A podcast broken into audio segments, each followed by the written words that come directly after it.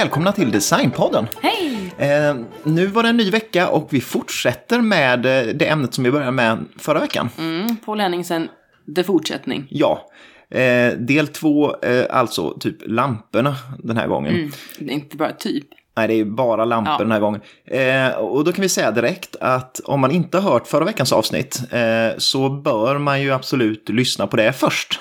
Alltså annars tror jag man är väldigt bored i det här. Mm. Ja, men grejen är att eh, man... Både då att det kan vara bra att ha bakgrunder om honom eh, som person, men också att eh, jag började förra veckan att prata lite om eh, Henningsens tidigaste lampor. Och nu kommer jag ta vid där med de lite mer, de man är van att se om man säger. Mycket bländning blir det? Eh, Mycket bländning och mycket, ja, det blir mycket tekniska termer och så idag, men eh, det är ganska intressant och framförallt så är det intressant för att eh, det, ja, vi, vi, vi kastar oss in i veckans avsnitt helt enkelt. det blir säkert fint. Det blir fint. Och vi som pratar heter Sanna och Andreas och ni lyssnar på Designpodden.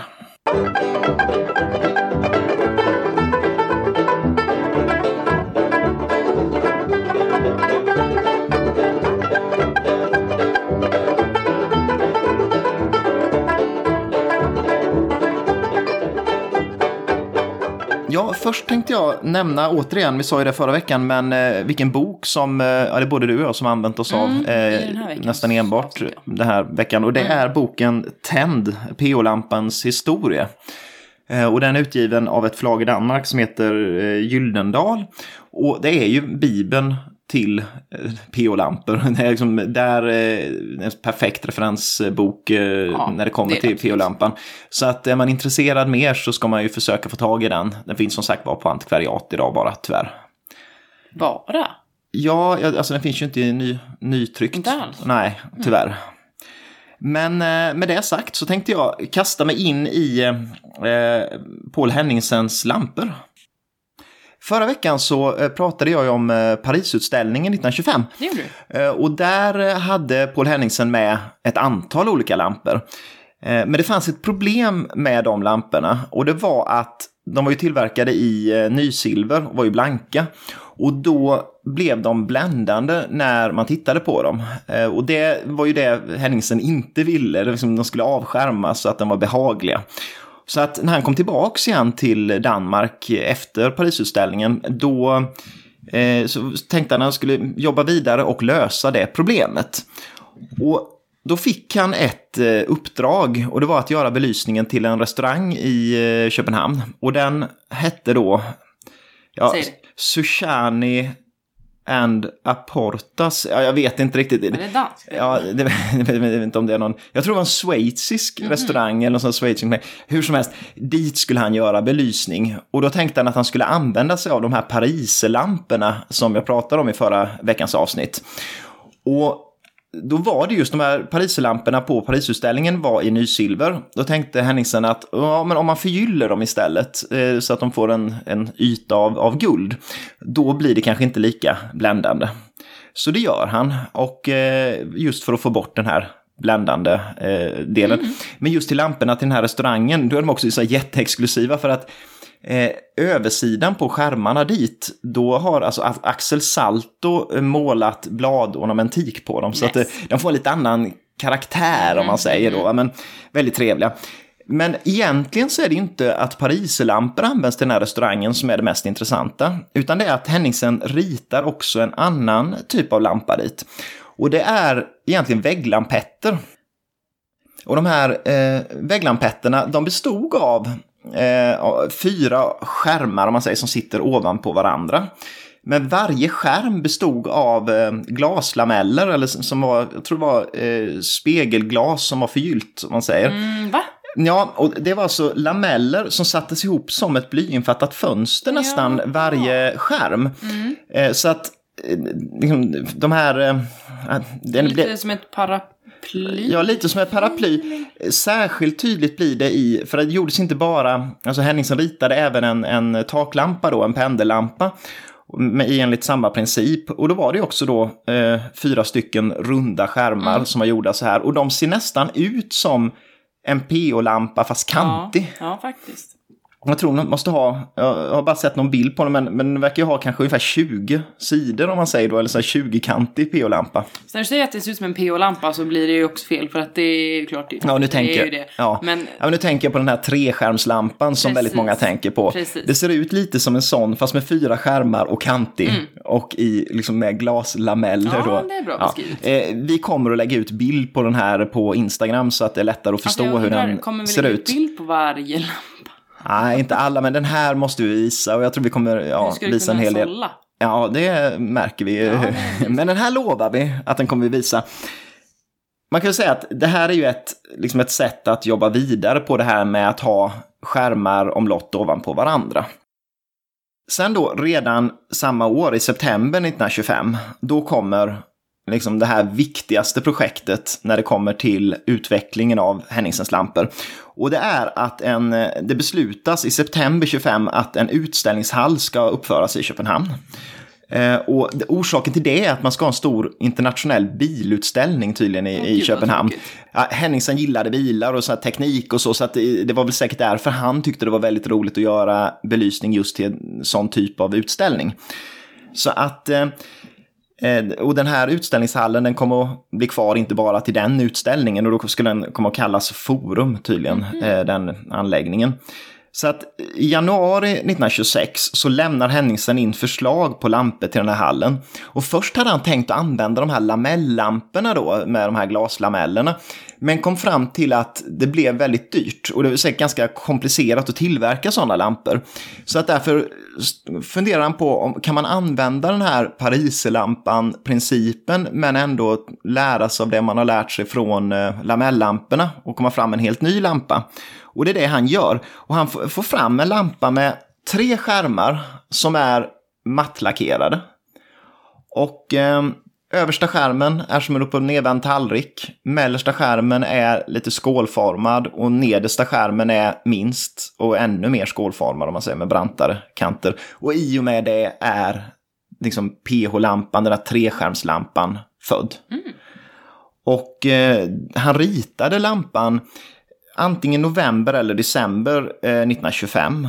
Och enligt Henningsen själv så ritade han själva grunden till lampan på en kväll. Oj. Så att eh, det är alltså en lampa som fortfarande finns i produktion. Liksom, och är en sån, en av de, Ja, vilken alltså- snilleblixt. Ja, det är en snilleblick. Sen har jag jobbat under årtionden med just eh, belysningsproblem och sånt. Men ändå då att, eh, ja, stämmer det så är det ju ganska anmärkningsvärt skulle man säga. Eh, Eh, och de här första lamporna som gjordes till det här forum då, eh, de var ganska stora. De hade en diameter på 85 cm, så det är ju lite större än vad man tänker sig en PO-lampa då man, idag. Ehm, och då hade Henningsen kommit fram till att ja, men det var bra med en storleksförhållande mellan skärmarna på 4-2-1, vilket skulle motsvara att om översta skärmen var 40 cm så skulle mellanskärmen vara 20 och den minsta 10 cm. Eh, och för att med det förhållandet då re- reflekterade den översta skärmen hälften av ljuset och sen så de andra två skärmarna 25 procent vardera. Och materialet i de här lamporna till Forum, då var det ju inte nysilver, för nu skulle det vara blankt, nej det skulle inte vara blankt längre utan matt. Så då använde han koppar och sen så lackerade det här i vitt. Och... eh, koppar är ett dyrt material. Jo, men ofta använder man koppar. Alltså, förmodligen var det ett lämpligt material att använda sig av till eh, den typen av eh, eh, föremål. Och tillverkaren till de här lamporna, det var också den här metallfabriken Lauritz eh, Henriksen som hade gjort lamporna till Parisutställningen. Ehm, och de var ju då underleverantör till Louise Paulsen, så att eh, det är ju, ja, Louise Paulsen fortsätter ju att producera Henningsens lampor här. Eh, Och till Forum så producerades eh, 60 lampor med diametern 85 cm. Men sen gjordes en del mindre lampor också, så även 60 lampor med eh, diametern 60 cm och sen så ett fåtal med diametern 40 cm. Så det var ändå ett ganska bra antal lampor som tillverkades dit. Och nu är ju det här de här liksom första treskärms-PO-lamporna som någonsin gjordes och så, så de är ju väldigt viktiga. Vad hände med de eh, lamporna sen då? För att det hade varit kul om de fanns kvar. Slängd. Eh, Ja, alltså grejen är att eh, tydligen den 24 augusti 1943 så sprängde motståndsrörelsen Forum. För att eh, tyskarna hade ju under ockupation- ockupationen då övertagit mycket av den typen av byggnader och just Forum skulle användas till en kasern till de tyska soldaterna. Då sprängde man byggnaden. Eh, Och efter kriget så skulle den byggas upp igen. Och det finns gamla bilder på, på den här sprängda byggnaden där man ser att lamporna hänger kvar ändå Asså. fast taket har rasat ner och så. Men lamporna överlevde, de hängde i bjälkar om man Jaha. säger då va. Så att lamporna hängde där med, eh, men de hade ja. väl tydligen blivit skadade och sen Jo, så regnade det in på det. Eh, och då, eh, den här nya arkitekten som fick uppdrag att rita om det, han använde inte eh, PO-lampor eh, till nybyggnationen. Och de här gamla, eller de här ursprungliga PO-lamporna, de såldes som metallskrot för 250 danska kronor fick de för alla lamporna. Ja, Och Henningsen själv då kommenterade det här då att det inte var PO-lampor som hängdes upp i eh, den här nya byggnaden. Han sa det att när jag kallar det de hängt upp för billigt är det inte priset jag syftar på. Så att han var, han var inte så förtjust i de här nya lamporna Nej, som skulle hänga där. Men, men nu går det ganska fort i alla fall med eh, Henningsens eh, treskärmslampa. För att eh, i april 1926 då kommer Louise Paulsens första katalog med Henningsen-lampor. Och i den fanns då de här lamporna från eh, Parisutställningen och det fanns även tydligen den här lamelllampan eh, som man skulle kunna köpa. Men längst bak i katalogen då hade de första treskärmslamporna hunnit komma med och de blir nästan genast en succé. För att det är väl de ändå som på något sätt, de är enklare, ganska billiga och lämpar sig väldigt bra till hemmiljö. Och i juni 1926 så byggs det här lampsystemet ut. Och det var, som jag sa förra veckan, det var att under stora delar av 20-talet så jobbar ju inte Henningsen med glas överhuvudtaget som material, utan han har metallskärmar. Men då i sommaren 1926, då introducerar han glasskärmar på PO-lamporna. Och eh, det, det glaset som först kommer det är ett munblåst opalglas eh, med sandblästrad undersida, så är det där vita glaset som inte är genomskinligt. Och det släppte tydligen igenom 12% av ljuset uppåt, vilket ju gör att rummet belyses ju lite uppåt också, som inte är fallet med en eh, metallskärm. Och då blir det ju en bättre ljusbild helt enkelt. Så att eh, för de flesta så var det egentligen den här opalglaslampan som var den riktiga PO-lampan om Den man är ju säger. snyggare. Ja, den är betydligt snyggare.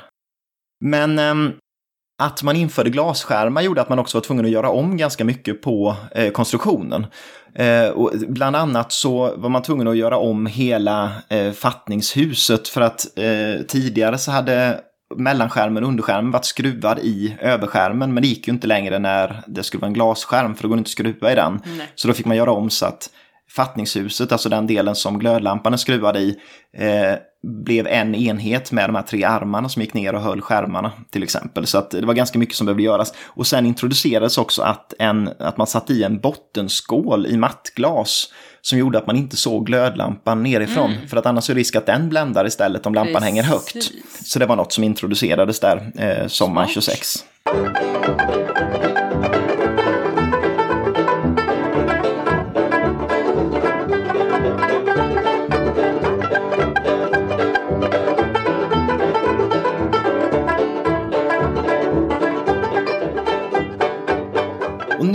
Tänkte jag gå in lite på eh, de här modellnumren egentligen på eh, treskärmslamporna. Nu gäspar jag lite, men jag Ja. behöver ju veta de här sakerna. Ja. För att jag är alltid förvirrad. Ja, precis det. Det, det, det är ju att, Kommer förvirrande. jag få in det? Kommer det sitta? Ja, det här är jättesvårt att förklara också, men jag hoppas att, eh, att, jag, har, att jag kan förklara det på ett bra sätt. Jag är på alerten nu. Lär mig. När Henningsen introducerade den här treskärmslampan eh, så kom den i fem grundstorlekar i katalogen. Och eh, de här tre grundstorlekarna, de hade han ändrat proportionerna till, från, lite liksom från den här lampan som användes till forum. Så att nu blev proportionerna istället 3-2-1. 3-2-1 innebar att, alltså då att, eh, ja, skala enligt att, ja, ja, det Ja, står ja, liksom ja, motsvarande att den stora skärmen var 30 cm, så var den andra 20 och sen Yes. 10 den minsta. Och då kom det fem stycken olika storlekar och de modellerna kallade Henningsen 88, 66, 55, 44 och 33. Det är i alla fall samma. Ja, det är samma. Och Men jag förstår dem inte riktigt. Nej, och, och det här syftar då på den första siffran, om vi går till exempel på 4-4. Fyran, den första fyran, syftar på eh, hur många decimeter ungefär som den översta skärmen var. Så att eh, 4-4 har en överskärm som är 40 cm, alltså 4 decimeter. I diameter. I diameter. Ja, precis. Och då skulle man kunna tro att den andra siffran också har med storlek att göra, men det har den egentligen inte. Utan den andra fyran i modell 4.4, det syftar på att eh, mellanskärmen och underskärmen är avsedda för eh, den skärm som har 40 cm i diameter. Ja, den skärmen som Ja, man sitter på. Ja, för det innebär alltså att om lampan heter 4.4, då kan man alltså bara läsa ut att eh, överskärmen är 40 cm. 30, 20. Ja, och de an- ja, precis. Och de andra är motsvarande ja, storleksförhållandena 3, 2, 1. Mm. Och- Det var inte 40, 30, 20. Nej, det blir inte det, utan... eh, Men ja. Ja, det är det. Eh, Överskärmen är, redan ja, men för, Ja. överskärmen är 40 cm, mellanskärmen är 26 cm Ja. och underskärmen är 12,8 cm. Mm. Så att, men, men eh, man kan alltså säga att en lampa 4.4 är en standardlampa med de proportionerna som det var ursprungligen tänkt att de Yes. skulle ha. Och då är alla det uppenbarligen. Ja, då, då är de, det är samma sak med alla de fem lamporna. Eh, och de här lamporna passade bra som högt hängande lampor, alltså att du hade högt upp i taket och sen så belöste ett helt rum. Eh, 1927 dock, året efter, då introducerar Henningsen något som han kallar för skeva lampor. Mhm. Nej, orsaken till det var att han, han insåg att många kanske ville ha en lampa över ett matbord till exempel, eller över en arbetsyta och så. Och då passade inte de här lamporna med den här proportionen han hade från början, va? för att de lämpade sig bäst för att hänga högt. Och då införde han de skeva lamporna eh, där mellan och underskärmen var lite mindre än vad de var på standardlamporna. Och de... Inte 3, 2, 1 så att säga. Nej. Och de eh, lamporna som introducerades 27 först där var lamporna som hette 6.3, 5.3 och 4.3. Och då syftar det helt enkelt på Ja, sexan och femman och fyran, det är ju samma som innan, hur många decimeter ungefär som skärmen är i diameter. Men sen den andra siffran, till exempel i 4.3, eh, trean där syftar på eh, till vilken lampa som skärmarna egentligen var avsedda. Ja. Så att diametern på överskärmen är fy- 40 cm, men skärm nummer 2 och 3, de är egentligen avsedda för en lampa med 30 cm diameter. Så då blir de ju ännu mindre. Eh, och då blir ljusbilden en annan, så att den spreds mer ut över ett, ett bord till exempel. Och eh, skärmarnas inbördes storlek då, det var ju en sak som påverkade ganska mycket för ljusbilden. Men en annan sak som Henningsen också har jobbat med mycket innan, men det är just det vilka material som skärmarna är tillverkade i, för det har ju också jättestor betydelse för hur ljuset ser ut och hur det fungerar. Och redan 26 så fanns det flera olika typer av skärmar då i Louis Paulsons kataloger som man kunde välja av. Och det fanns ju det här opalglaset som är det ogenomskinliga vita glaset. Och fördelen med det, det var att det gav ett starkt ljus ner och utåt sidorna och sen så lite ljus uppåt. Lampan blev helt bländfri, det vill säga att man bländades inte alls när man tittade på den. Eh, och det var också ett ganska effektivt ljus, det var starkt ljus ifrån dem. Eh, Men en nackdel var att man kunde bara tillverka dem upp till max storlek 5 då, den här 5-5-lampan. Större gick inte att blåsa för att då, det var av tekniska Ja, skäl då va. Eh, Så att vill man ha väldigt stora lampor eller lampor som var mer hållbara, då var det inte lämpligt. Annars så till hemmiljö är den en, ett bra alternativ då. Eh, De här kunde också fås med guldkant på dem om man Nej. ville få lite så här lyxigare variant. Guldkant. Ja. Men sen fanns det en annan typ av glasskärm också och det var det frostade glasskärmarna. Eh, och det var egentligen genomskinliga glasskärmar som bara hade sandblästrad undersida. Och då blev de inte helt genomskinliga, för hade de varit det då hade de ju blivit bl- helt bländande. De, de här har ett klart ljus, men det bländar i viss mån för att det inte är riktigt lika avskärmande som ett, en opalglasskärm. Och de här fanns i samma storlekar som opalglasskärmarna. Eh, och de kunde fås med guldkant eller med spiralmönster på. Det är ganska Jaså? roligt det här spiralmönstrade lamporna. Och Man ser dem aldrig på auktion Nej. ens eller sådär, utan det... Sen fanns det då lackerade kopparskärmar. Och det är ju det som utöver opalglasskärmarna är vanligast naturligtvis.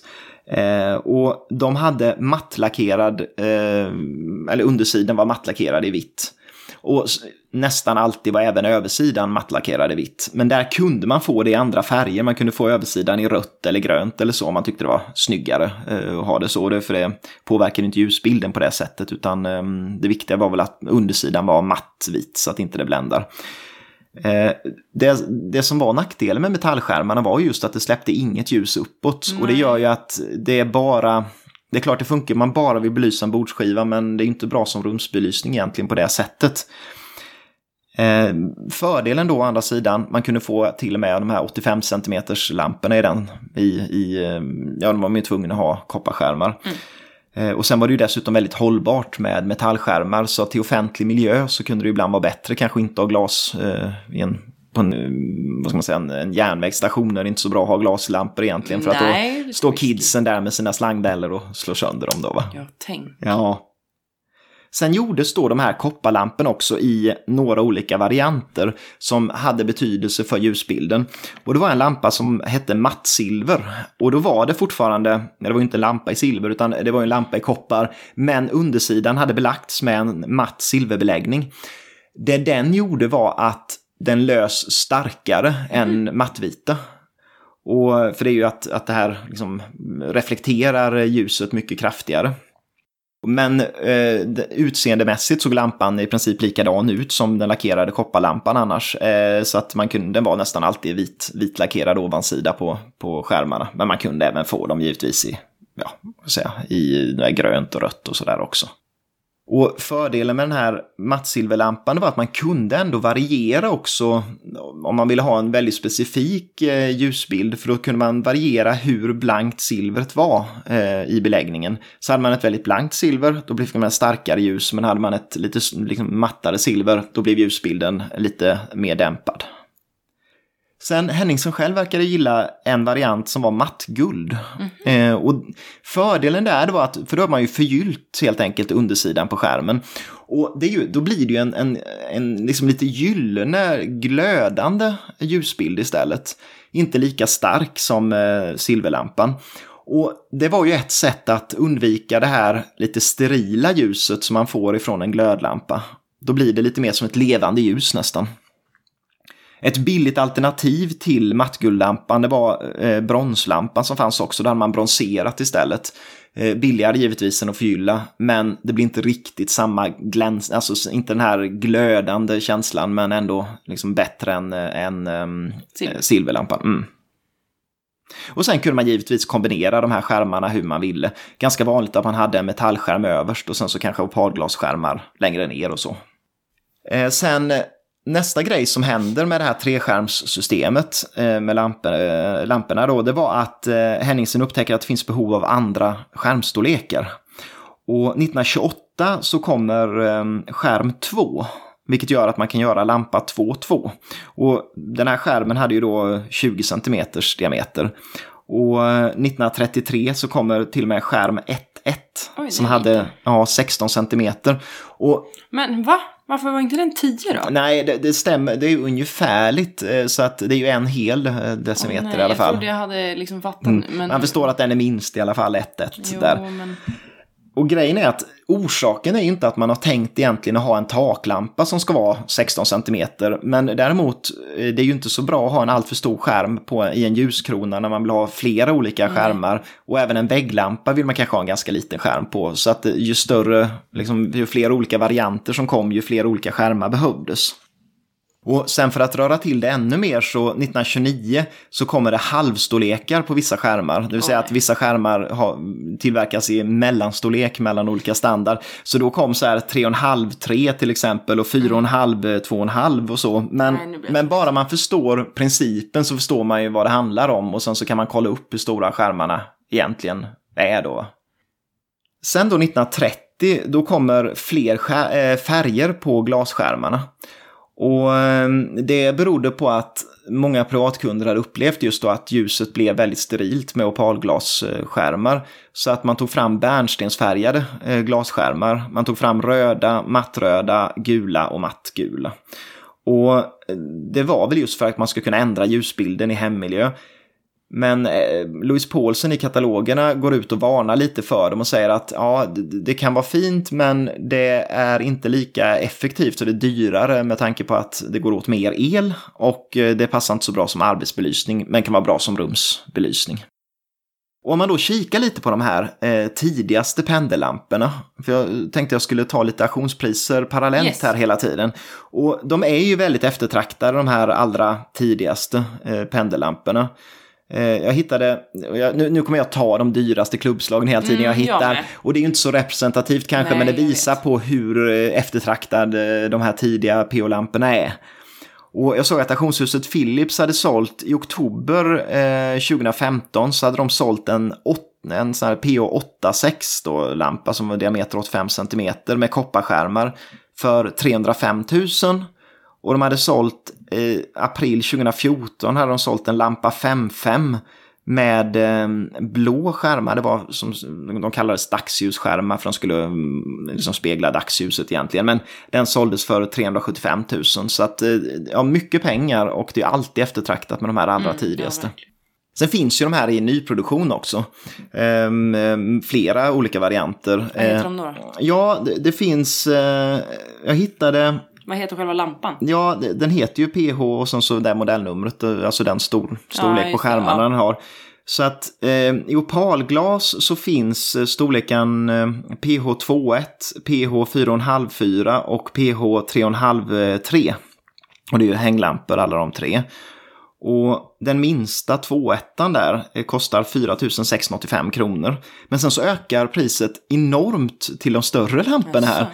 För den här PH 3,5-3 som är mellanstorleken kostar 9 485. Wow. Och sen PH 4,5-4 kostar 22 295 så att det ökar ju mer än Enormt. proportionerligt i storlek då om man säger. Så att förmodligen måste det ju på något sätt ha att göra med att det är mycket dyrare att tillverka större, för de är fortfarande munblåsta eh, glasskärmar. Så att ju större de blir, ju väldigt mycket dyrare blir det att Jo, tillverka men dem.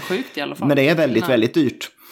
Sen hittade jag, för den som är snyggast egentligen, det är en replika av de här allra första lamporna. Så att eh, även fattningshus och allting ser ut som de tidigaste eh, treskärmslamporna. Och det här är en, en replika i, eh, ja skärmarna är aluminium men lackerat så istället för koppar har man aluminium i, i grunden. Men de ser ut ungefär som en sån kopparlampa som de första var.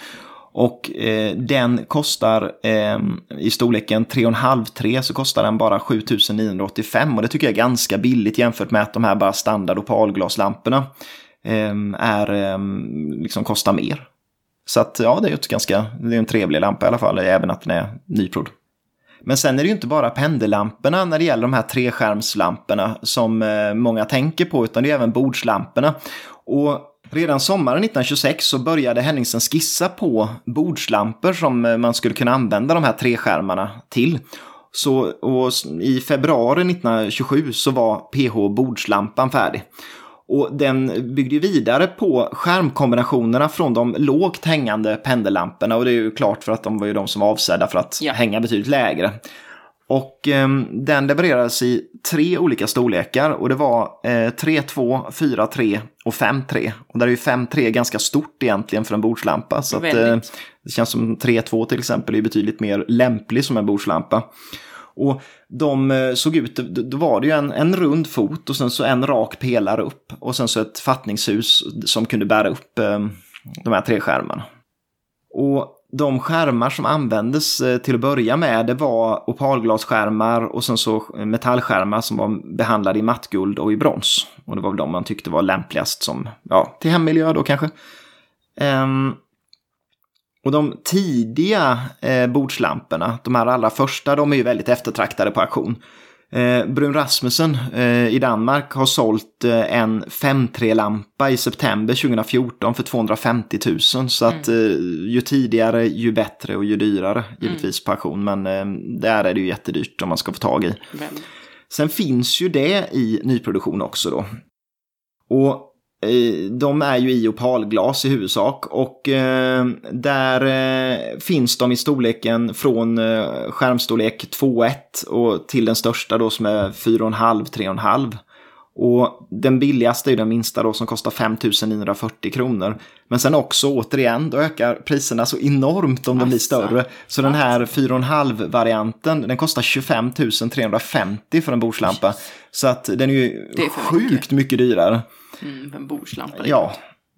Och sen parallellt sommaren 1927 då kom, så också, kom också första eh, golvlampan eh, till det här treskärmssystemet. Och den såldes tydligen som en längre bordslampa bara. Men Va? den är inte avsedd som en bordslampa så jag vet inte varför de skrev det i, i katalogerna. Men själva grundprincipen var ju samma utseende som en Ja, jo, men man bordslampa. kan inte ha en på ett bord. Nej, det var ju det va. Och, sen skulle, och så var ju foten i gjutjärn på den för att den inte skulle välta.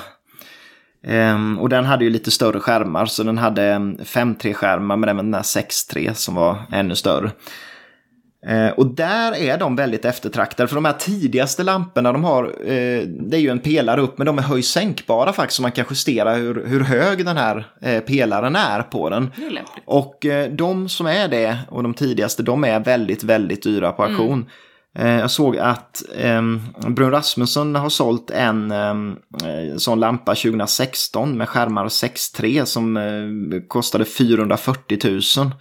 Och eh, ännu dyrare på Piazza som sålde en eh, 5.3 för 770 000. Så att eh, det är för en Wow. bordslampa. Så att de måste ju vara väldigt ovanliga också. De kan ju nästan aldrig dyka upp.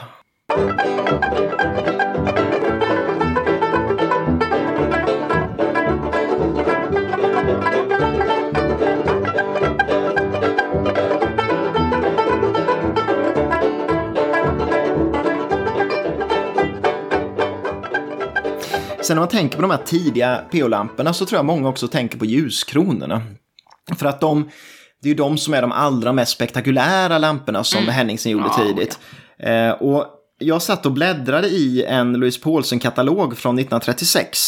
Och det var en sån sjukt tjock katalog också, den var 168 sidor, så det visar väl lite hur mycket olika lampor som de tog fram. Men där fanns eh, ganska många olika varianter av ljuskronor. Jag tänkte nämna några och sen så bara rabbla upp några namn också. Så, eh, sådär. Och det här är också en sån grej, vi kommer inte gå in i detalj på de olika varianterna, men eh, på Instagram, det här är ju till exempel en sån sak vi kommer lägga upp för att visa exempel på ljuskronor och exempel på olika bordslampor och sånt också då va. Men den kanske mest kända lampan, eller en av de mest kända, det är Akademikronan. Och den hade som standard eh, skärmarna med diametern 30, de här 3-2 skärmarna. Och eh, det fanns allt ifrån liksom, tre, ku- liksom, tre lampor till eh, åt- 18 lampor på en och samma ljuskrona. Så de är 18 eh, armade, de är ju så gigantiskt stora.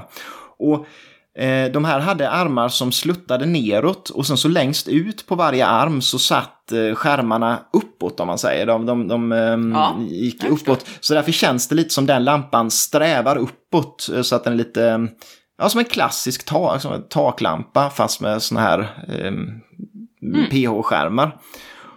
Och i den här katalogen som jag kollade i, då kostade trearmade lampan 90 danska kronor och eh, sexarmade kostade 170 danska kronor. Usch, och då kan man jämföra det med att eh, Philips sålde en trearmad lampa 2011 för 335 000. Så det är att eh, det är ju lite värdeökning på den. Just Akademikronan finns faktiskt i nyproduktion. Det finns ju inga andra av de här eh, kronorna. ljuskronorna, men den finns som trearmad lampa i nyproduktion. Och då kostar den 28 800. och det är inte, inte så farligt. orimligt. Nej, inte med tanke på att en, en bordslampa kostade så här 25 eller vad det var där. Så att det, det är så. Men det är inte riktigt samma grej givetvis som, som de här gamla, för de är lite annan känsla på. Ah. Ah. Eh, en annan känd ljuskrona, det är bombardementskronan, eller bombardemangskronan som man brukar kalla den. eh, och den, eh, om man säger det, den hade skärmar som var lite mindre. Den hade i regel skärm 2.2 eller 2.1. Eh, och ehm, den, den skiljer sig ganska kraftigt mot Akademikronan för att den här strävar neråt istället. Den har Ja, armar som är bågformade och eh, som går en båge utåt och neråt. Och sen så hänger skärmen längst ut. Och ehm, det är väl därför att det ser ut som den, det är som bomber som släpps eller att den bombar Jaha, neråt då, ja, ja, på något sätt. Och den fanns i storleken 3 till 21 armar, så att en 21 armar är ju, den är inte liten. Ness. Mm. Och eh, i... eh, Och priset i den här Louise Paulsen-katalogen från 36, då varierade ju priset jättemycket beroende på hur många, hur många armar den hade. Men eh, den allra största lampan kostade 360 danska kronor, den som hade 21 armar. Det är inte mycket. Det är inte så mycket tänker man när, när den är vad den skulle kosta idag. För jag hittade, jag, jag letade runt lite och Philips eh, har sålt en eh, sån här bombardemangskrona med nio armar 2012 och då gick den för 195 000. Ehm, Ehm, så att den är ju ganska spektakulär. Sen tänkte jag nämna ett par till och det är Stjärnkronan. Och den, det är bara för att den är så, man säga, så bisarr, den är väldigt speciell. Och den har Eh, om man säger, den fanns i vissa standard, den fanns i 5, 6, 9 eller 10 skärmset då, va? eller lampor om man säger. Eh, och eh, själva uppbyggnaden på den var skärm, stjärnformad som det låter, så att den största varianten i alla fall, då känns det nästan som det är ett spindelnät över skärmarna då. Va? Och sen så strävar den lite neråt så att eh, skärmarna hänger ju under det här stjärnformade lampkonstruktionen. Och den är ju, eh, eh, ja, det, från början så i deras katalog, Louis Paulsens katalog, så kostade den mellan 95 och 180 kronor. Så att den var ganska billig eh, i förhållande till de andra lamporna. Eh, men eh, Pierre Berger sålde en 10-skärmad sån här krona 2017 för 300 000. Så att Mm. den är ju, ja, det måste vara ganska ovanlig också. Jag har aldrig sett eh, Mm. mer än på liksom, ja, jag såg nu när jag sökte efter, men jag har aldrig tänkt ens på den varianten. Aldrig. Nej. Sen finns det en, en variant som kan vara värd att nämna för att den är mycket enklare än de andra och det är ringkronan.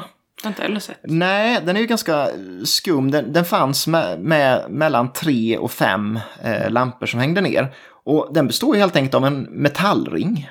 Och sen så hänger metallringen i tre stycken, mm, eller ja, det är antalet sladdar som det är skärmar då va.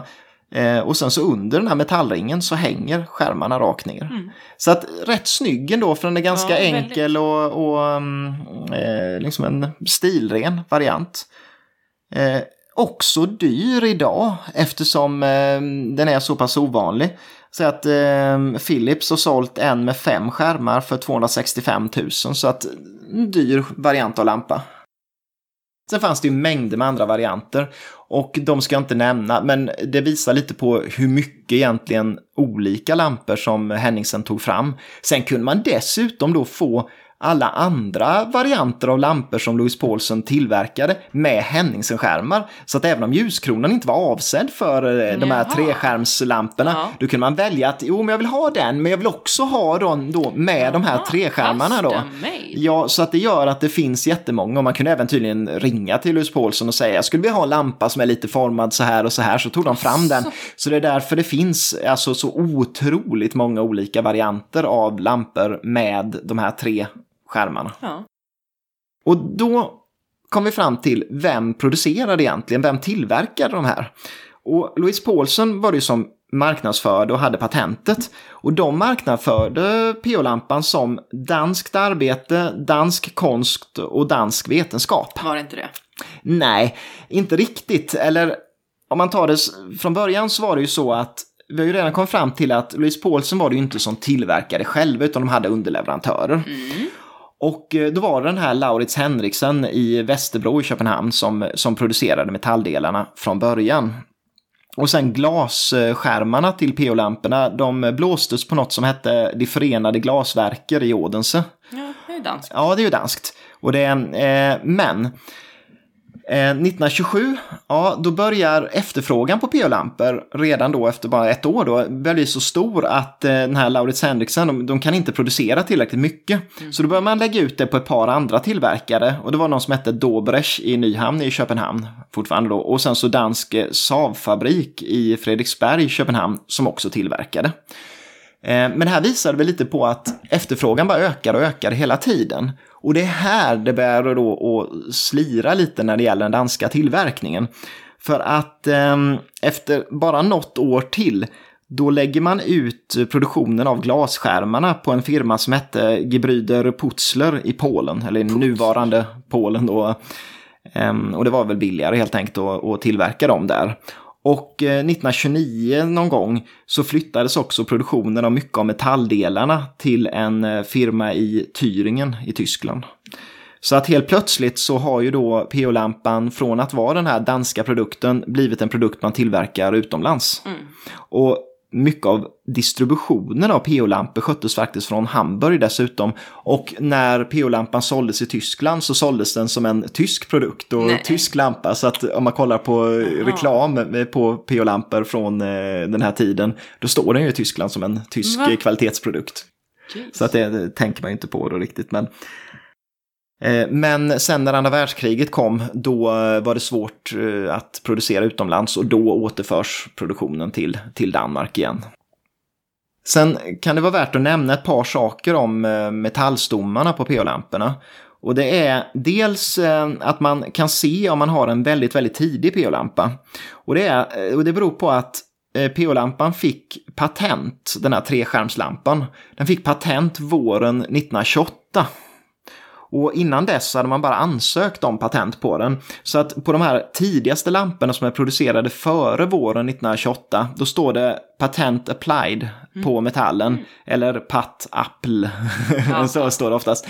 Ehm, men efter våren 28, eller från och med våren 28 om man säger, då står det patented eh, för det mesta.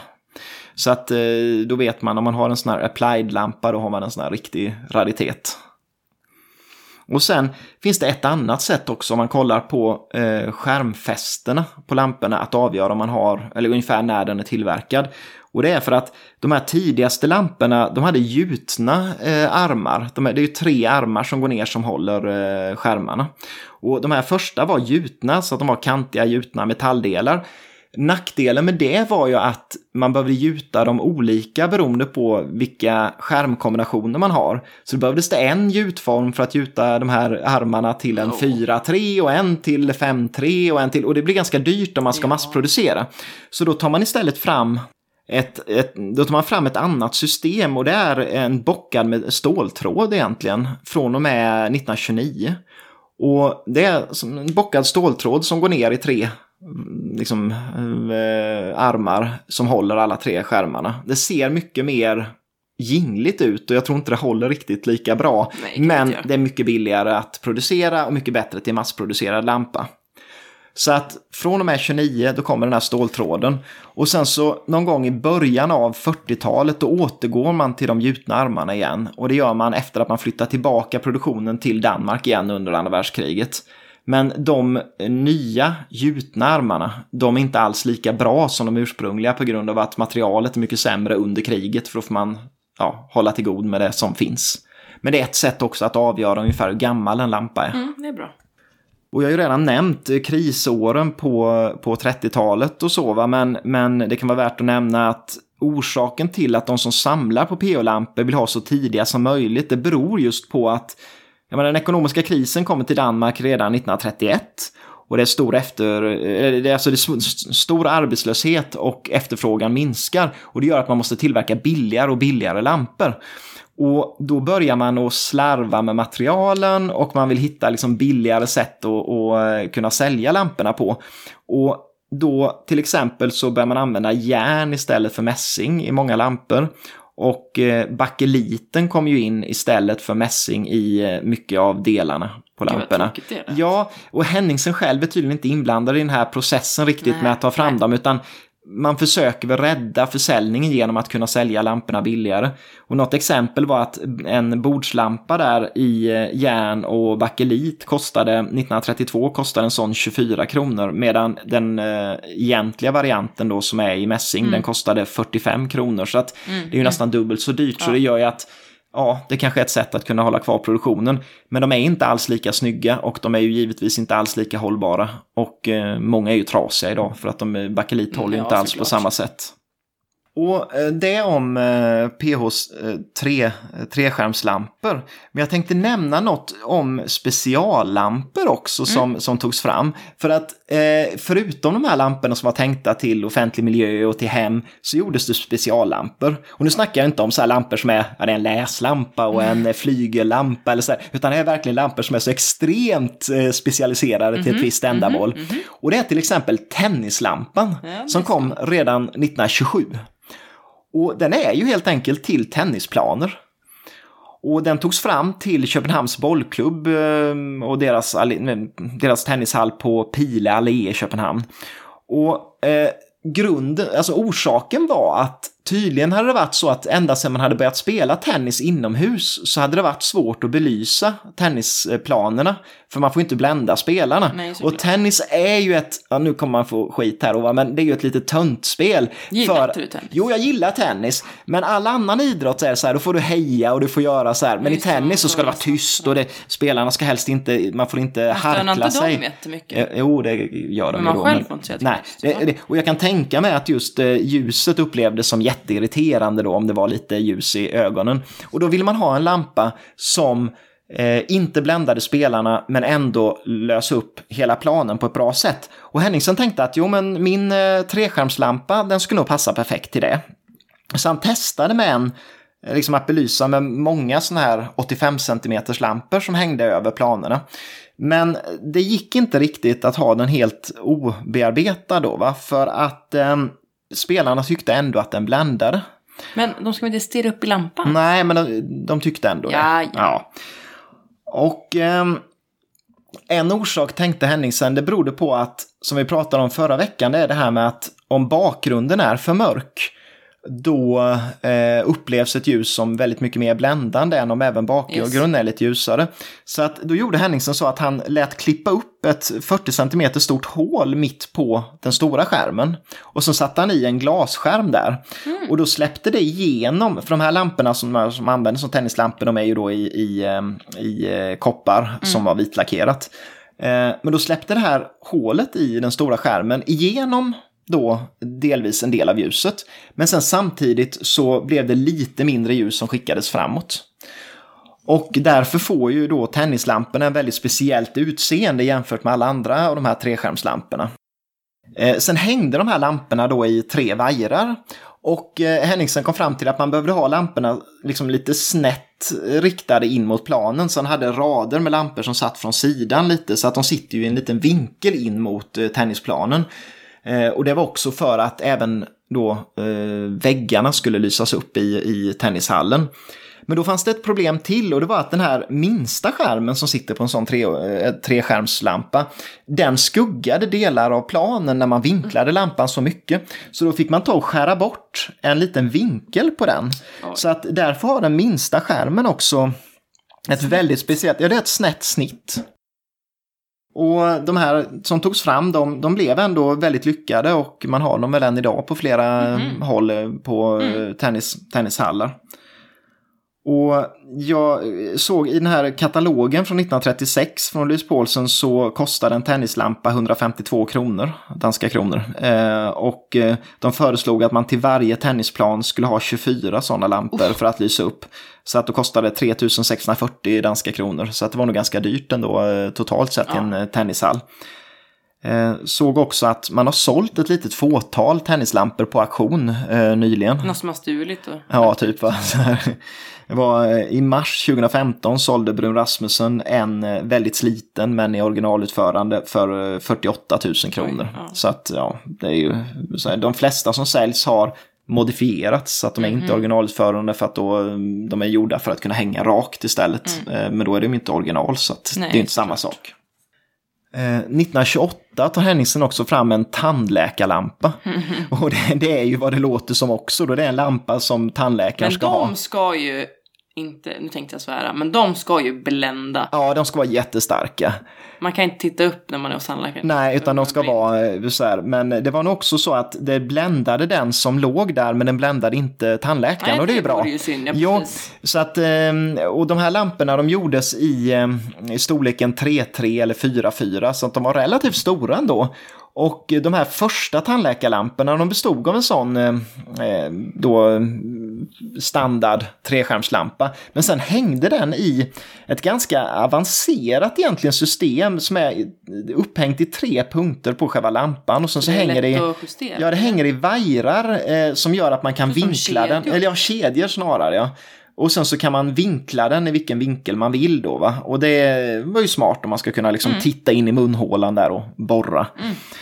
Ehm, 1931 så inser Henningsen att det är ett ganska avancerat system det här att ha massa kedjor som, som hänger. Så då tar han fram en, eh, en tandläkarlampa som består av en, en helt enkelt en, en, ja, en stolpe som går ner från taket och sen så har man en vridbar och eh, riktningsbar lampa som hänger i den.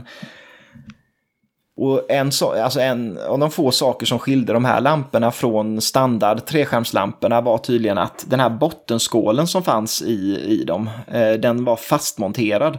Och det var ju givetvis så att det var nödvändigt för att annars så skulle den kunna åka bort när man eh, eh vinklade eh, lampan om den bara vilade i som det gjorde på standardlamporna. Och de här är ju ganska ovanliga men var inte så dyra när de kom ändå. Alltså 1936 i den här katalogen som jag har kollat i, då kostade de mellan 131 och 149 kronor. Så, så att ja, det var ungefär lite mer bara än vad en vanlig PO-lampa kostade så tandläkaren behövde inte punga ut några större summor för att, att köpa Det har den. de väl råd med? Ja.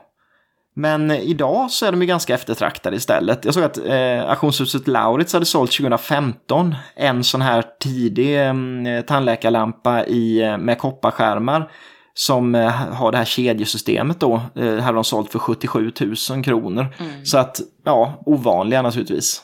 Sen kanske inte jättefunktionella idag för att man har kanske inte den över matbordet. Men eh, roligt om man vill ha en väldigt ovanlig lampa. Ja, väldigt. Avslutningsvis tänkte jag nämna operationssalslamporna också för att det, det, det, det är så här humoristisk grej. Va? För att det är, det är ju också exakt vad det låter som. Men Henningsen tyckte att den här tandläkarlampan, den skulle ju också kunna användas vid en operationssal. Så då tog han fram då eh, lampor som man skulle ha när man opererade. Och de var också från början sådana här med kedjor som, eller, som hängde. Men det var ju inte alls särskilt bra. Eh, av den anledningen att om, om du tänker att du ligger där på operationsbordet och Men har magen uppskuren. vaken. Nej, men om du har magen uppskuren då vill du inte att det ska vara kedjor som en massa smuts och sånt där kan sitta i och, och ramla ner i operationssåret och sådär. Så att, Skulle jag tänkt på det? nej. Nej, men man hade nog inte velat det i alla fall Nej. känner jag. Nej. Eh, Så att under tidiga 30-talet, då kommer den lampan som slår igenom som en väl fungerande operationssalslampa i alla fall. Och det är Ehm, en lampa som består av eh, fyra stycken eh, PH44 skärmset som sitter fastmonterade i något som nästan liknar en, en industridesign ljuskrona i stålrör. Eh, och sen, de skiljer sig markant då ifrån eh, standardlamporna genom att de har också en, en skål runt sig i glas. Och det har de för att inte damm ska kunna sätta sig mellan skärmarna och ramla ner i operationssår eller något liknande då va. Men det är Så- som glob som jag Ja, det blir som en, en globlampa fast med eh, en vanlig PO-lampa invändigt i sig.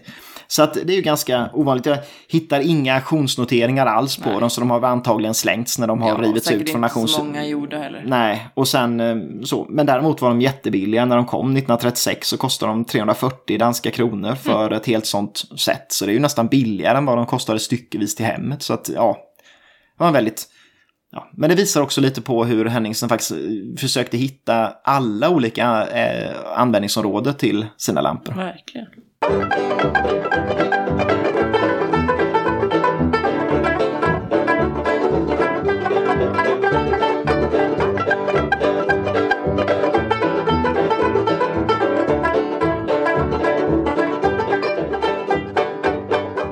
Nu kan man ju tycka då att det ska vara slutpratat om lampor. Men det är det inte Men alls. det är det inte. Nej. Jag har inte börjat min del av Nej. lampor än. Tar vi upp varenda lampa som finns kanske? Nästan, nej inte riktigt. Ja, men nästan i alla fall. Mm. Ja, inte lika djupgående som Nej, du är. exakt, Så nej. mitt blir lite lulligare så att säga, va? Men så har du ganska många lampor också att Ja. prata om. Ja, Men vi ser hur det blir. Jag Ja. tänker börja med en som heter Septima som han utvecklade mellan 1927 och 1931. Mm. 1928 blev en eh, prototypversion utställd på Mm. Konstindustrimuseet. Och den fick mycket fina omdömen. Mhm. Den kom att produceras fram till 40-talet. Men eh, då händer det grejer och då slutar det mesta produceras Ja, det- faktiskt Ja. av det jag pratar om. Formen grundades i en sån här 5-5-lampa. Mm.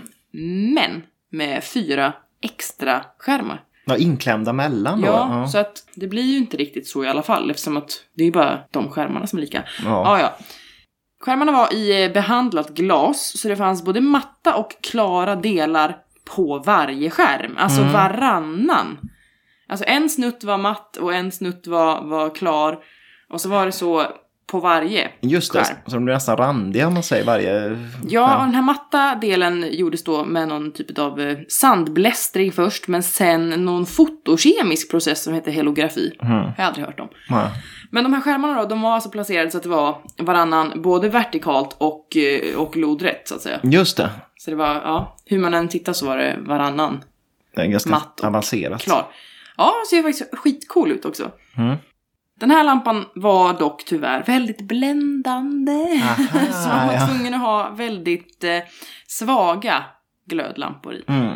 Annars blev det inte inget bra. Men eh, han försöker ju då lösa det som man, hör, som man gör med alla sina problem. Och i och med det så gör han en bärnstensfärgad Mm. lampa istället, vilket eliminerade ganska mycket av det här problemet. Mm. Det kom även en rosa och en blå variant och då var det en tunn eh, fastbränd emalj på. På glaset ja. Precis.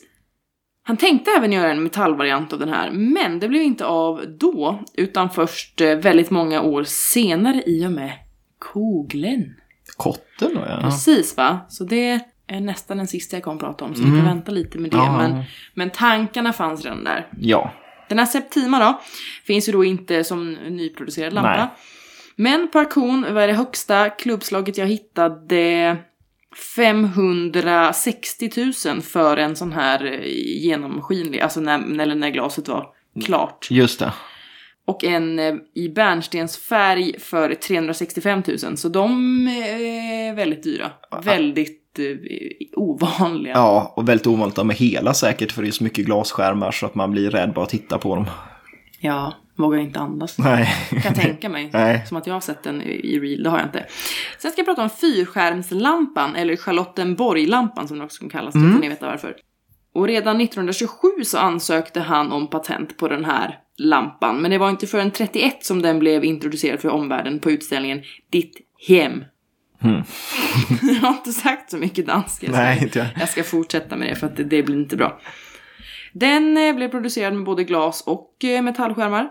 Metallvarianten var bronserad, glasvarianten fanns i opalglas, röd matt, gul matt och bärnstensfärgad. Och det var ju då, det var fyra skärmar. Mm. Det är lämpligt med, med namn som, som speglar Ja, man förstår väldigt Vad det vad det var. är. Ja. säga. Den var utformad för att hänga högt upp, för ljuset var då kraftigast under, eller neråt. Neråt, ja.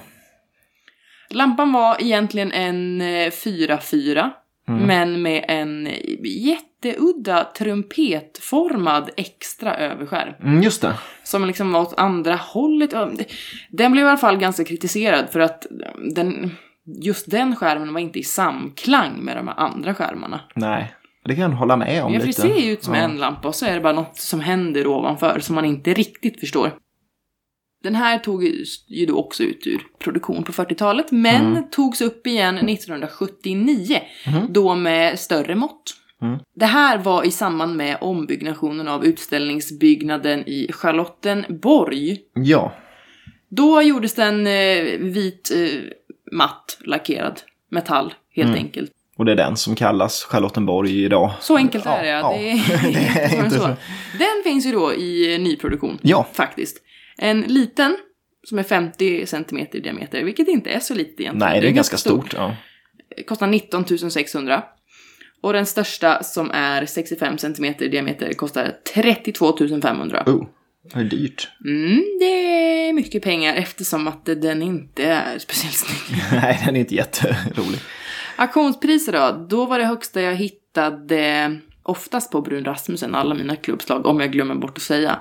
Men det var en för 269 000 som var i bronserad metall. Ja, Och den högsta i glas Det var, en, det var en röd matt som såldes för 100 000 ungefär. Ja, det är mycket pengar. Det är ju det.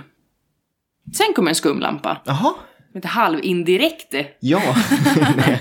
och där Det- säger namnet ingenting. Nej, fast jag säger att det säger det. Ja. Jag, jag säger väldigt kort om den här, för den är inte speciellt eh, rolig. Men det är en av de enklaste som PH har gjort. Den kom 33, då mitt i den här ekonomiska krisen. Den skulle vara en billig lampa. Den kostade 16 kronor. Ja, det är ju inte mycket då. Nej, och den ser ut som en, en eh, treskärmslampa i grunden, fast det finns ingen överst. Liksom, den, den översta skärmen är inte där. Den här stora tallriksformade Nej. skärmen finns inte, nej. Så det, det, ja, det ser ut som en sån och att det, det saknas en. Mm. Ja. Egentligen. Och den fanns i två storlekar och ljuset spreds lika mycket uppåt som neråt och tydligen så kommer namnet ut av det. Det Ja, men tydligen, för de kallar ju ett indirekt ljus ett ljus som studsar från taket och ner på golvet Okej, igen. så Och jag tror att hälften av ljuset studsade upp i taket och gick ner neråt igen. så att Okej, det var nog okej. därför tror jag. Det var nog det. Kanske Ja, det, det är nog det. Ja, Wow. men det är ju jätteologiskt. Eller om man inte förstår vad de menar fattar man ingenting. Nej, alltså ljustermer, vem, Ja. vem kan? Nej. Auktionspris, då hittade jag en. Okej, en. Ja. eh, 19 300 på Brun Rasmussen och det tycker jag var mycket eftersom att den är så tråkig men... Men det, å andra sidan, om det bara finns ett klubbslag så är det ju väldigt ovanlig också. ja. ja men hur många köpte lampor när det var kris? Nej. Egentligen. Nej, det var inte det första man gick och köpte, utan inte. mer mjöl och Ja, sånt man köpte. Sen kommer vi till den här globlampan. Mm. Som jag hintade lite om när du snackade. Just det, den här med glas eh, runt. Så, ja. Ja, den framställdes mellan eh, 32 och 36. Mm. Och redan 43 så gick ju den då ur produktion som jag har tjötat om. ja. Så det var inte många år som den hann finnas med. Nej, Men den fanns i tre varianter, hel, halv och spegel. okej. Och de är ju då, de är, jag vet inte vad jag ska säga. Jag tycker inte de är roliga heller. Nu ska jag inte bara prata om det som jag tycker är roligt. Nej, men, man eh, måste sålla lite annars Och man får ha till- åsikter också om det, Åh. vad som är snyggt och inte. Men jag är ödmjuk, Ja. säger vi.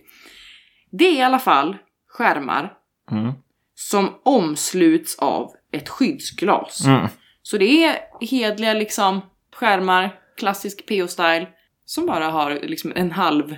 Som ett halvklots Ja. eh, glob då runt i klarglas. Precis. Och de här skärmarna är väl dessutom inte i glas utan de är i någon sån här cellofanmaterial. Ja, det var något plastaktigt, ja. ja. Jag vill i alla fall mest nämna att den här finns, för att Mm. det blir också lite så att vi vill ju inspirera er att ta reda på mer också, så jag vill Mm. inte säga allting. Nej, så tycker ni att den här verkar lite lajvans, då kan ni kolla upp den mer själva. ja, Så behöver inte jag sitta här och... Ja, tjata om den. nej, exakt va. Auktionspris hittade jag inte heller speciellt många, men jag hittade ett på 18 000 för en sån här hel glob då, som var den största varianten, eller den med flest skärmar. Innerskärmar där, ja. Sen ska jag bara snabbt säga lite kort om, om tivoli, för att jag nämnde inte det i förra avsnittet att han jobbade mycket med tivoli. Tivoli i Köpenhamn, ja, den Precis, nöjes. så jag känner att det, jag måste säga det här istället. För att efter den här, både före och efter exilen i Sverige så jobbade han eh, med tivoli. Han gjorde både inne och utomhuslampor. Efter kriget så jobbade också hans son med det projektet, han Simon P. Henningsen. Mm. Det var inte den utomäktenskapliga, det, det var den legit ungen. Ja, precis. Och det roligaste anekdoten med det här tyckte jag var att utomhuslamporna behövdes i synnerhet göras för att de skulle kunna ha öppet längre än till när solen gick ner. Så här, ja, jo. Ja, det är Det är klart. en sån här sak man inte riktigt tänker på. Nej. Att man behövde stänga när det blev mörkt innan. Nej, men det är sant med det. Lampor Så, men det är klart, det var ju Ja, så. det är klart. Ja, men det, det ja. skulle jag inte tänkt på. Men jag tycker det fina, jag tycker ni ska googla på lamporna till Tivoli om ni inte har sett dem. För att en av mina favoritlampor är ju den här eh, spirallampan som jag gjorde till Tivoli. Som är en sån här invändigt en, eller cylinder med en spiral runt som skulle rotera. Ja. Och den är, den är helt crazy, Ja, den just det. utomhuslampa som är... eh, Den är sjuk, så kolla på den Ja. tycker jag. För att den är väldigt fin. Och någon smörbrödställe. Ja, nej, Ja, nej, det här, är, det, det, här, det här ska vi inte kolla gå in på nu. Men, Men på tal om spirallampan, Ja. så att säga. eh, Det är ju inte samma som Nej. du sa, men Nej. den här som jag ska prata om heter då spirallampan. ja, Det är faktiskt den dyraste, ska jag spoila redan nu, Mm. på auktion. För det tycker jag är spännande. Ja, Den gjordes till Århus universitet 1943. Det var till en aula med 19 meter i eh, takhöjd. Oj. Så det behövde vara ganska så här maffiapjäser va? mm. Den här lampan då, den bestod helt enkelt av en lång spiralformad skärm. Mm. Och den hade lite formen av en ballong, hela lampan. ja det, gör, det För den är inte rund och den är liksom inte oval, utan det är något väldigt ballonglikt över Lite som en den. ballong som hänger så här lite det- tungt ner. precis, vilket ju blir ganska charmigt på en lampa ju. Mm. Produktionen av den här lampan, den var väldigt komplicerad och den blev därför också väldigt dyr. Mm. Han eh, kom också med en eh, ny variant av den här 1964 där den här spiralen var klädd med både mässing, koppar och aluminium. Oj. Ja. Vilket egentligen känns som att det är too much, men det blir väldigt coolt. ja, det blir det ju. Ja. Men då måste det bli ännu mer avancerat att tillverka den. Ja, det är helt bisarrt. Ja. kom också en väggvariant till biografen Skala i Århus 1955. Mm. Och det är bara egentligen spiraler, så det tycker inte jag är jättespännande. Är det- För de är, de är inte hängande uppenbarligen, Nej, utan, utan det är det- bara spiraler mot... Men det är två spiraler som Ja. sitter ihop bredvid Ja. varandra. Så, ja. Precis. Auktionspriser här då, så var det faktiskt en sån här väggvariant från den här biografen, enligt Philips själva, så var den från den här biografen Ja, ja. då. Eh, såldes för 2,5 miljoner för bara det här paret. ja. Det är ju det är faktiskt det högsta som, som vi har med. ja, det är det.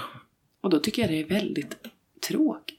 Men jag kan tänka mig att det är, vad kan det tillverkas, tre stycken kanske då totalt Jo. sett. Så att det är väl det. Visst, ja, Eh, man, man köper det. Men Mm, eh, jättetak-varianten är ju sjukt mycket coolare. coolare, coolare. Men den känns ju också extremt mycket mer avancerad i produktionen ja, men det är och väl på alla sätt och jättelätt vis. med en spiral på ja, ja. Nej, jag ska, inte vara, jag ska inte vara kritisk. Den här från 64 med olika metaller Ja, gick 2017 på Philips i USA för en och en halv miljon. mm, Och det här originalet då, bara vit Ja, metall var ju ja. det. Högsta klubbslaget hittade där var också ungefär en och en halv miljoner. Så att ja, det, my- betydligt högre klubbslag än, än alla andra ja. egentligen. Men så är den väldigt stor och väldigt ovanlig. Sen kom vi till kuglen och det är inte kotten. Nej, för den är koglen. Ja. Ja, jag var så förvirrad i början. Mm. För kuglen, det är helt enkelt, vad blir det, kulan. ja Så ni får inte, förväxla nej, här. det blir fel då. Mm. Den här kugeln, den gjordes till en kyrka 1957. Mm. Den skulle vara då dekorativ, Mm. men inte så dyr. Nej. Han utgick då från den här spirallampan som han gjorde till universitetet, men Mm. gjorde en eh, billigare och då enklare variant. Ja. Den blev då mycket mer rund i formen och det var då eh, 13 skärmar istället för en lång spiral. Ja, och det är säkert mycket billigare än en sån här jättelång bit som man ska göra. Exakt va? Och den hade en diameter på 60 cm. Han gjorde också en väggvariant av den här med sju skärmar. Mm. Och en diameter på 26,5. Enligt boken så hade de här en orange ton på metallen för att få ett varmare sken. Mm. Alltså det var vitt men det var Lite orangeigt i. Jo, men det är ju säkert ett sätt också just för att få bort glödlams, eh, det här sterila operationsljuset som man inte kanske vill ha riktigt i. lite det här kalla. Ja, Den här taklampan den finns i nyproduktion och Mm. kostar hela 65 000 kronor. ja, Vägglampan finns inte. nej. Tänkte nämna att den här, om man vill höra lite om bakgrunden till, Ja. till den här, så tycker jag också att, att man kan lyssna på förra veckans avsnitt för att eh, Henningsen tar ju fram till Parisutställningen 25 tar han ju fram en kugel till eh, den här eh, Fiskers nationalpaviljong så tar han ju fram en sån här väldigt snarlik lampa redan 1925. Just det. Så han måste ju ha den i åtanke här när han ritar den här igen. Eh, givetvis. Så att det är ju en lång process, men den här är ju mer avancerad givetvis. Men ja, Precis. På auktion fanns det ändå många klubbslag. förvånansvärt många. ja, eller? jag tänkte, jag ska inte bara säga de högsta alltid, Nej. det var lite mer realistiskt också. Mm. Men det var svårt här, så att det var alltså allt mellan 9000 och 87 000, så det är väldigt stor skillnad. Mm. Handlar ju ofta om hur, hur gamla de är och skick och så. Ja. Men i alla fall, stor differens. Jo, men precis. Eh, konstigt ändå, för jag tycker att de borde inte så många ha köpt. Men det är väl offentlig miljö, för det kan ju bara vara offentlig miljö som ursprungligen har köpt dem till liksom. Eh, Ja, lite stort att ha hemma i ja, köket. Sen kommer vi till kuglelamelllampan. Eller då också Ja. snowball som ju de flesta Kallar känner igen ja. den som. Jag hade aldrig hört kuglelamell. Nej. Och halvkuglelampetten. Okej, ja. Men den här kuglelamellen, det är en utveckling av den här kuglelampan som jag pratade nyss om. Mm. Lampans utsida var eh, blank och liksom insidan matt, eller över och undersida är väl bättre att säga. Ja, just det. Ja. Översidan var blank och eh, in, undersidan var matt. ja, på lamellen eller skärmar. Precis. Alltså, ja. Så det handlar ju, den här ljusspridningen som jag försökte förklara, men jag blev ändå lite förvirrad. Mm. Men den baseras ju på den här speglande funktionen som den här blanka ovansidan har. Mm. Men sen vet jag inte så mycket mer om hur det liksom, Nej, hur men, det blev. nej, men i, i praktiken så det intressanta tycker jag är vad det får för resultat när man Ja. tittar på lampan. Va? Precis va? Och det var ju då att undersidan ser ut att vara släckt. Fast Ja. ovansidan Lyser. ser ut att vara tänd. Men ändå trots att det är så, trots att ovansidan av lampan lyser, undersidan av det här klotet då är släckt, så blir det ändå ljusspridning runt hela rummet. Mm. Så att det är ganska häftigt egentligen att det går att göra så. Precis. Väldigt coolt. Men eh, ja, jag går inte in mer på. Nej, det. Nej. det, är det är nästan för avancerat för mig. Ja, Känner jag. Den här lampan blev bara visad och eh, producerad eh, en gång 1958 till, den här, till en utställning som heter Glas, ljus och färger på Konstindustrimuseet i Köpenhamn där också. Mm. Den, sen kom den ju dock i produktion 1983 så det var ju väldigt långt Jaha, emellan. så att den producerades aldrig egentligen under Henningsens tid, nej, livstid då? Nej. Bara till utställningen. Mm. Men finns då nu. Mm. Kostar 20 900. Mm. Ja, väldigt stor skillnad till den här bara kugeln som kostar 65 000. Fruktansvärd skillnad i pris. Väldigt stor, kan den knappt förklara Nej, jag vet inte heller. varför. Nej. Nej det, nej, det kan vi inte gå in på. Nej. Auktion, ganska billig tänkte jag säga, men den eh, kostar oftast mellan 4 och 8 000. Så Ja, det är billigare, och Ja. inte billigt. absolut. Vi har, vi har en kompis som eh, hela tiden letar efter en sån här, men sen så är han för snål för att eh, köpa den. Så Han är ju, ja, ja, han- norrlänning kan jag säga. han är norrlänning. Ja, men jag ja, tänkte, det är ju inte snål, det är ju smålänningar som är snåla. ja, just det, men ja. So confused. Mm, men han kanske har köpt en sån nu, det är möjligt. Den här halvkugelampetten då, det var helt enkelt en vägglampa fast som såg ut som, som taklampan fast ha- halv mot väggen. Jaha, den, det var liksom som en, att man skurit av den på mitten och sen Ja. monterat den på väggen istället. Ja, just det. Det var liksom inte, Men den tillverkades aldrig eller liksom något direkt? Eh, fråga inte ens. nej, men alltså vi har aldrig sett utan förmodligen till något projekt bara då. Som, Antar det. Ja, ja. Vill bara nämna, för man vill ju vara bred här va. ja, men exakt. Sen kommer vi till PO5an. Ja, men den tror jag väl att eh, de flesta har det är hört väl talas det, om och är det sett. inte också den du ofta menar när du säger, bara när du säger PO-lampa? Ja, inte nu har jag inte varit det, men eh, normalt sett så är det väl Ja, kanske... Precis va? Men, P- men PO5 är ju egentligen inte det, den kom ju sent i hans liv liksom och så. Jo. Ja. Men eh, precis ja, för att den eh, visades då första gången på samma utställning som Kugle Mm. Lamelllampan 1958. Mm. Den blev introducerad som en klassisk nyhet, vilket ju blir ett Ja, paradoxalt... Eh, ja, men det är just det uttryck. där att den bygger lite på treskärmslampan ändå, men ändå inte. Precis, men den här lampan skulle ju ändå bli den som eh, blir den mest klassiska av alla hans lampor egentligen. Ja. För det är ju den man ofta tänker på. Ja, den hänger ju överallt känns Ja. det som. Den gör ju det. Överskärmens diameter är 50 centimeter. Alla skärmarna är i aluminium. Mm. Men den här lampan är den första som kan ha olika styrkor på sina glödlampor. Ja, exakt. För alla andra PO-lampor som har tillverkats överhuvudtaget måste ha en viss wattstyrka. Japp. Eh, man måste ha en viss wattstyrka och en exakt eh, storlek på varje glödlampa för att det ska funka. Annars måste man ställa in då Precis. så här. Men här kunde man ha vilken storlek som helst Ja. på glödlampan och helst. olika styrkor på den. Ja, Det är på tiden ju. ja. Att man får välja själv. Jo, exakt va. Och det, att man, det är svårt att hitta kanske hans rätt ljuskälla. Den var gjord för att hänga lågt över ett matbord Mm. exempelvis. Och för att få det här behagliga ljuset då som vi tjatar om så var det röda och blå skärmar som var liksom placerade inne i lampan som inte skulle vara synliga. Ja, det är sådana små skärmar där. Ja, finns. alltså Hur ser de ut invändigt? Jo, men man ser ju snett underifrån ser du ju den blå eh, Ja. skärmsidan. Och Men sen finns det, ovanifrån röd? eller? ja, ovanifrån syns ju ingenting, då är, då är det bara vita Varför- skärmarna som varför gömmer syns. sig den röda då? Eh, Det gömmer sig invändigt där glödlampan sitter. Mm, mm, mm, mm. Den här finns ju också i nyproduktion då, självklart. Ja. Eh, vanlig. Kostar eh, 7550. Mm. Finns en variant med den största skärmen i mässing som kostar 9195 istället. ja. Auktion är den ju väldigt, väldigt, väldigt vanlig. Ja, det måste vara en av de, det måste vara absolut Henningsens vanligaste lampa på auktion. Ja, alltså hands down. Eh, Billig. Mm. Oftast mellan 1 till 4 tusen. Mm. Beroende på skick. Så det, det ja.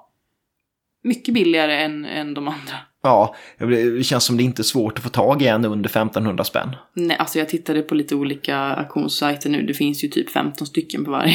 Ja, jo, Men precis. Jo, men det, för det måste ha tillverkats Ja. hundratusentals Ja, ja, ja. sådana lampor. Nu kommer vi till Koglen. Koglen, och ja. nästan slutet på avsnittet. Och- Nästan. Och Koglen känner vi till i Sverige som. Kotten! Ja. Men i engelsktalande länder som artichoke som då är kronärtskocka istället. Och, och kronärtskocka tycker vi väl kanske är ett bättre namn. Ja, den ser mer ut som en kronärtskocka om man tänker efter. Ja, faktiskt. Men eh, kogle är väl, är väl kotte på danska? Jag vet. Ja, jo, jag tror det. Tallkotte vill han att den skulle se ut som, sa vi då. Ja, Den gjordes i alla fall på uppdrag av arkitekterna Eva och Nils Koppel till Langelinje-paviljongen, en restaurang och festlokal. Mm. Utvecklingen av kotten då, den gick väldigt snabbt då han, som jag sa i början, hade gjort förarbetet med den här Septima. han har räknat ut allting innan. Precis va, så att eh, han ville göra helt enkelt lameller i metall. Mm.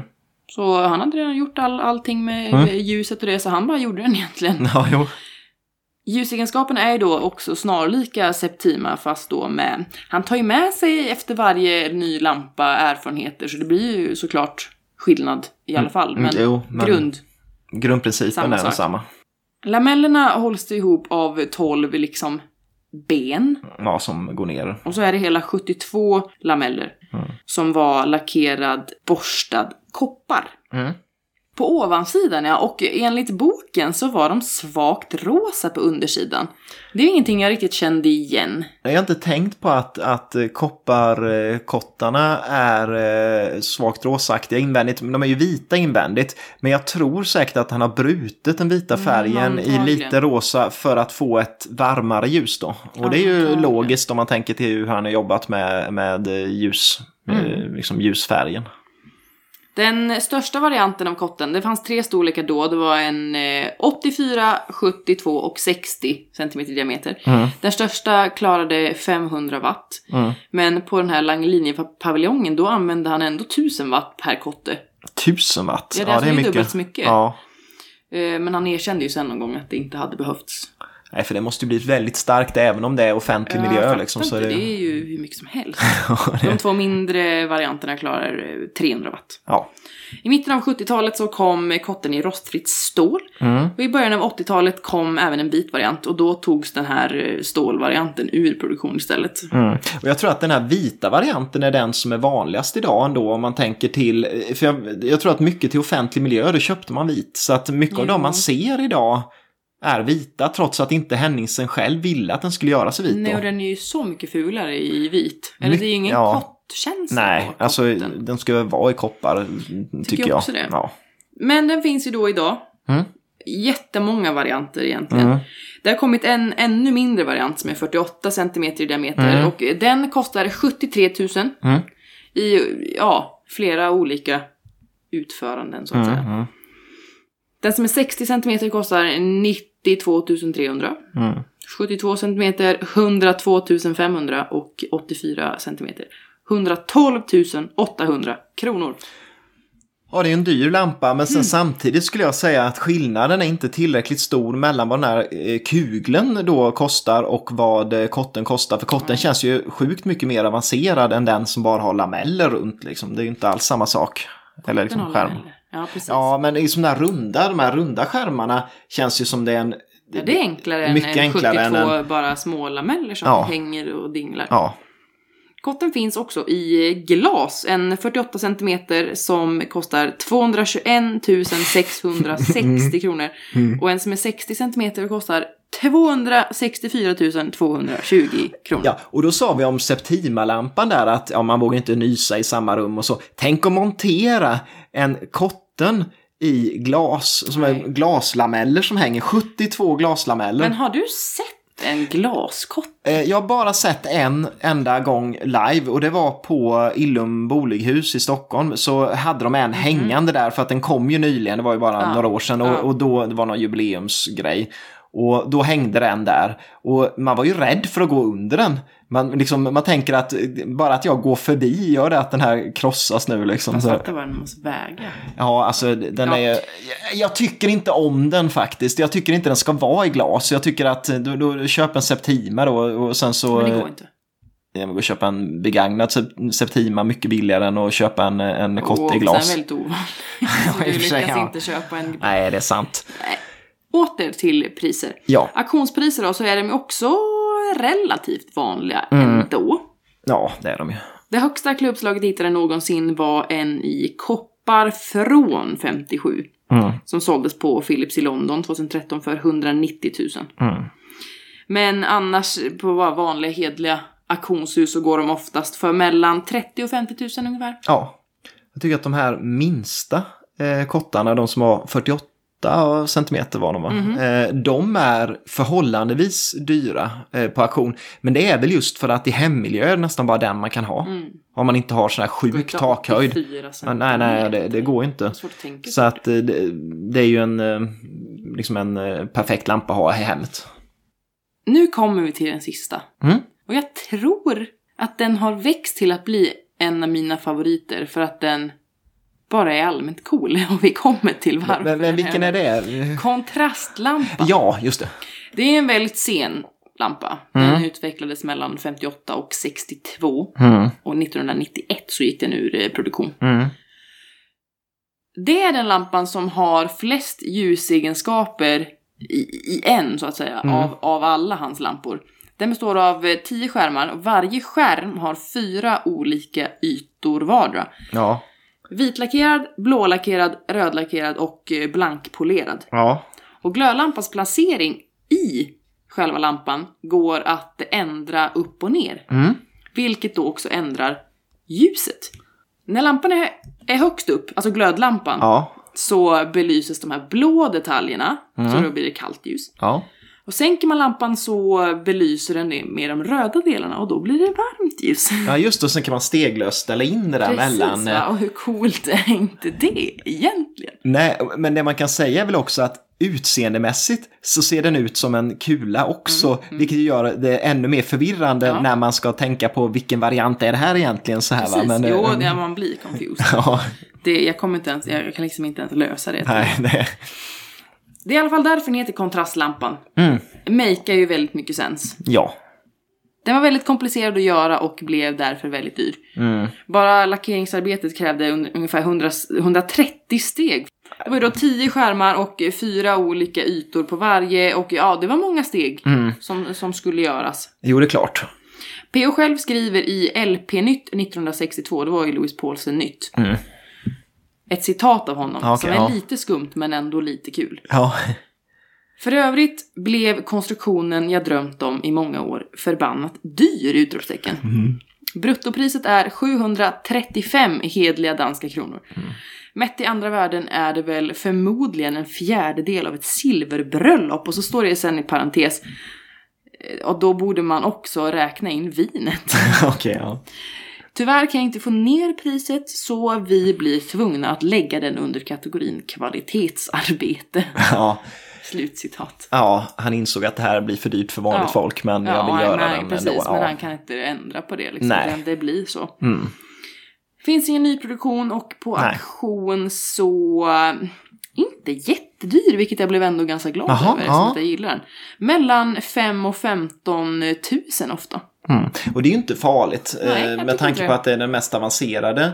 Den påminner om mycket av de här man tänker PO Mm. också så att eh, det är, och eh, den Men finns inte i rimligt. produktion. Ja. Rimligt, rimligt. ja. Och den ska vi köpa någon gång Ja, då. jag känner det ju faktiskt Ja, genast. Ja, men det är lite kul med sådana lampor som har funktioner inbyggt liksom i så här smarta tekniska lösningar. Snillrikt, det gillar vi. Men där är vi klara. Ja, så med... jag får säga äntligen, för det blev lite Ja, för mycket. det, det blir ett ganska långt avsnitt. Eh, och, och det beror ju just på att vi har längtat efter att göra någonting om, Ja, om PO-lamporna. Ehm, och om man ska summera upp det så tycker jag just det där att det är så kul, hela, liksom, hela grejen med att PH är en så han, han var en så intressant person. Mm, Skum människa som eh, skrev revyer, var politiskt engagerad, Mm. gjorde filmer och eh, var hatad på sin tid. ja. Liksom, och sen så, eh, Före sin tid. före sin tid var han. Och, ja, men, eh, och sen också har gjort så otroligt mycket lampor. Mm. Eh, vill ni veta mer om lamporna så ska ni ju då dels gå in på vårt eh, Instagramkonto.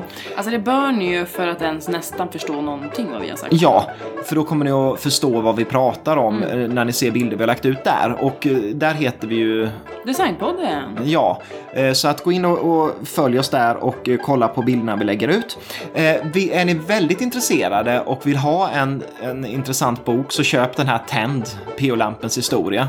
Den är svår att få tag i men hittar ni den så köp den för att där får ni bilder på, också på allting av det här vi har pratat om. Och vill ni oss någonting, har synpunkter på att vi har pratat länge idag eller sådär? Nej, eh, det är väldigt tråkigt att säga till om, för det vet vi. Ja, det vet vi. Men har man några idéer? Eh, idéer på någonting att, eh, något ämne eller eh, sådär? eh, Så, Vad som helst. Ja, vad som helst. Så kan man ju mejla oss också. Ja, till designpodden.gmail.com. Ja, och eh, annars så får ni ha det riktigt bra i veckan så hörs vi igen nästa vecka och då är det ett nytt eh, spännande ämne.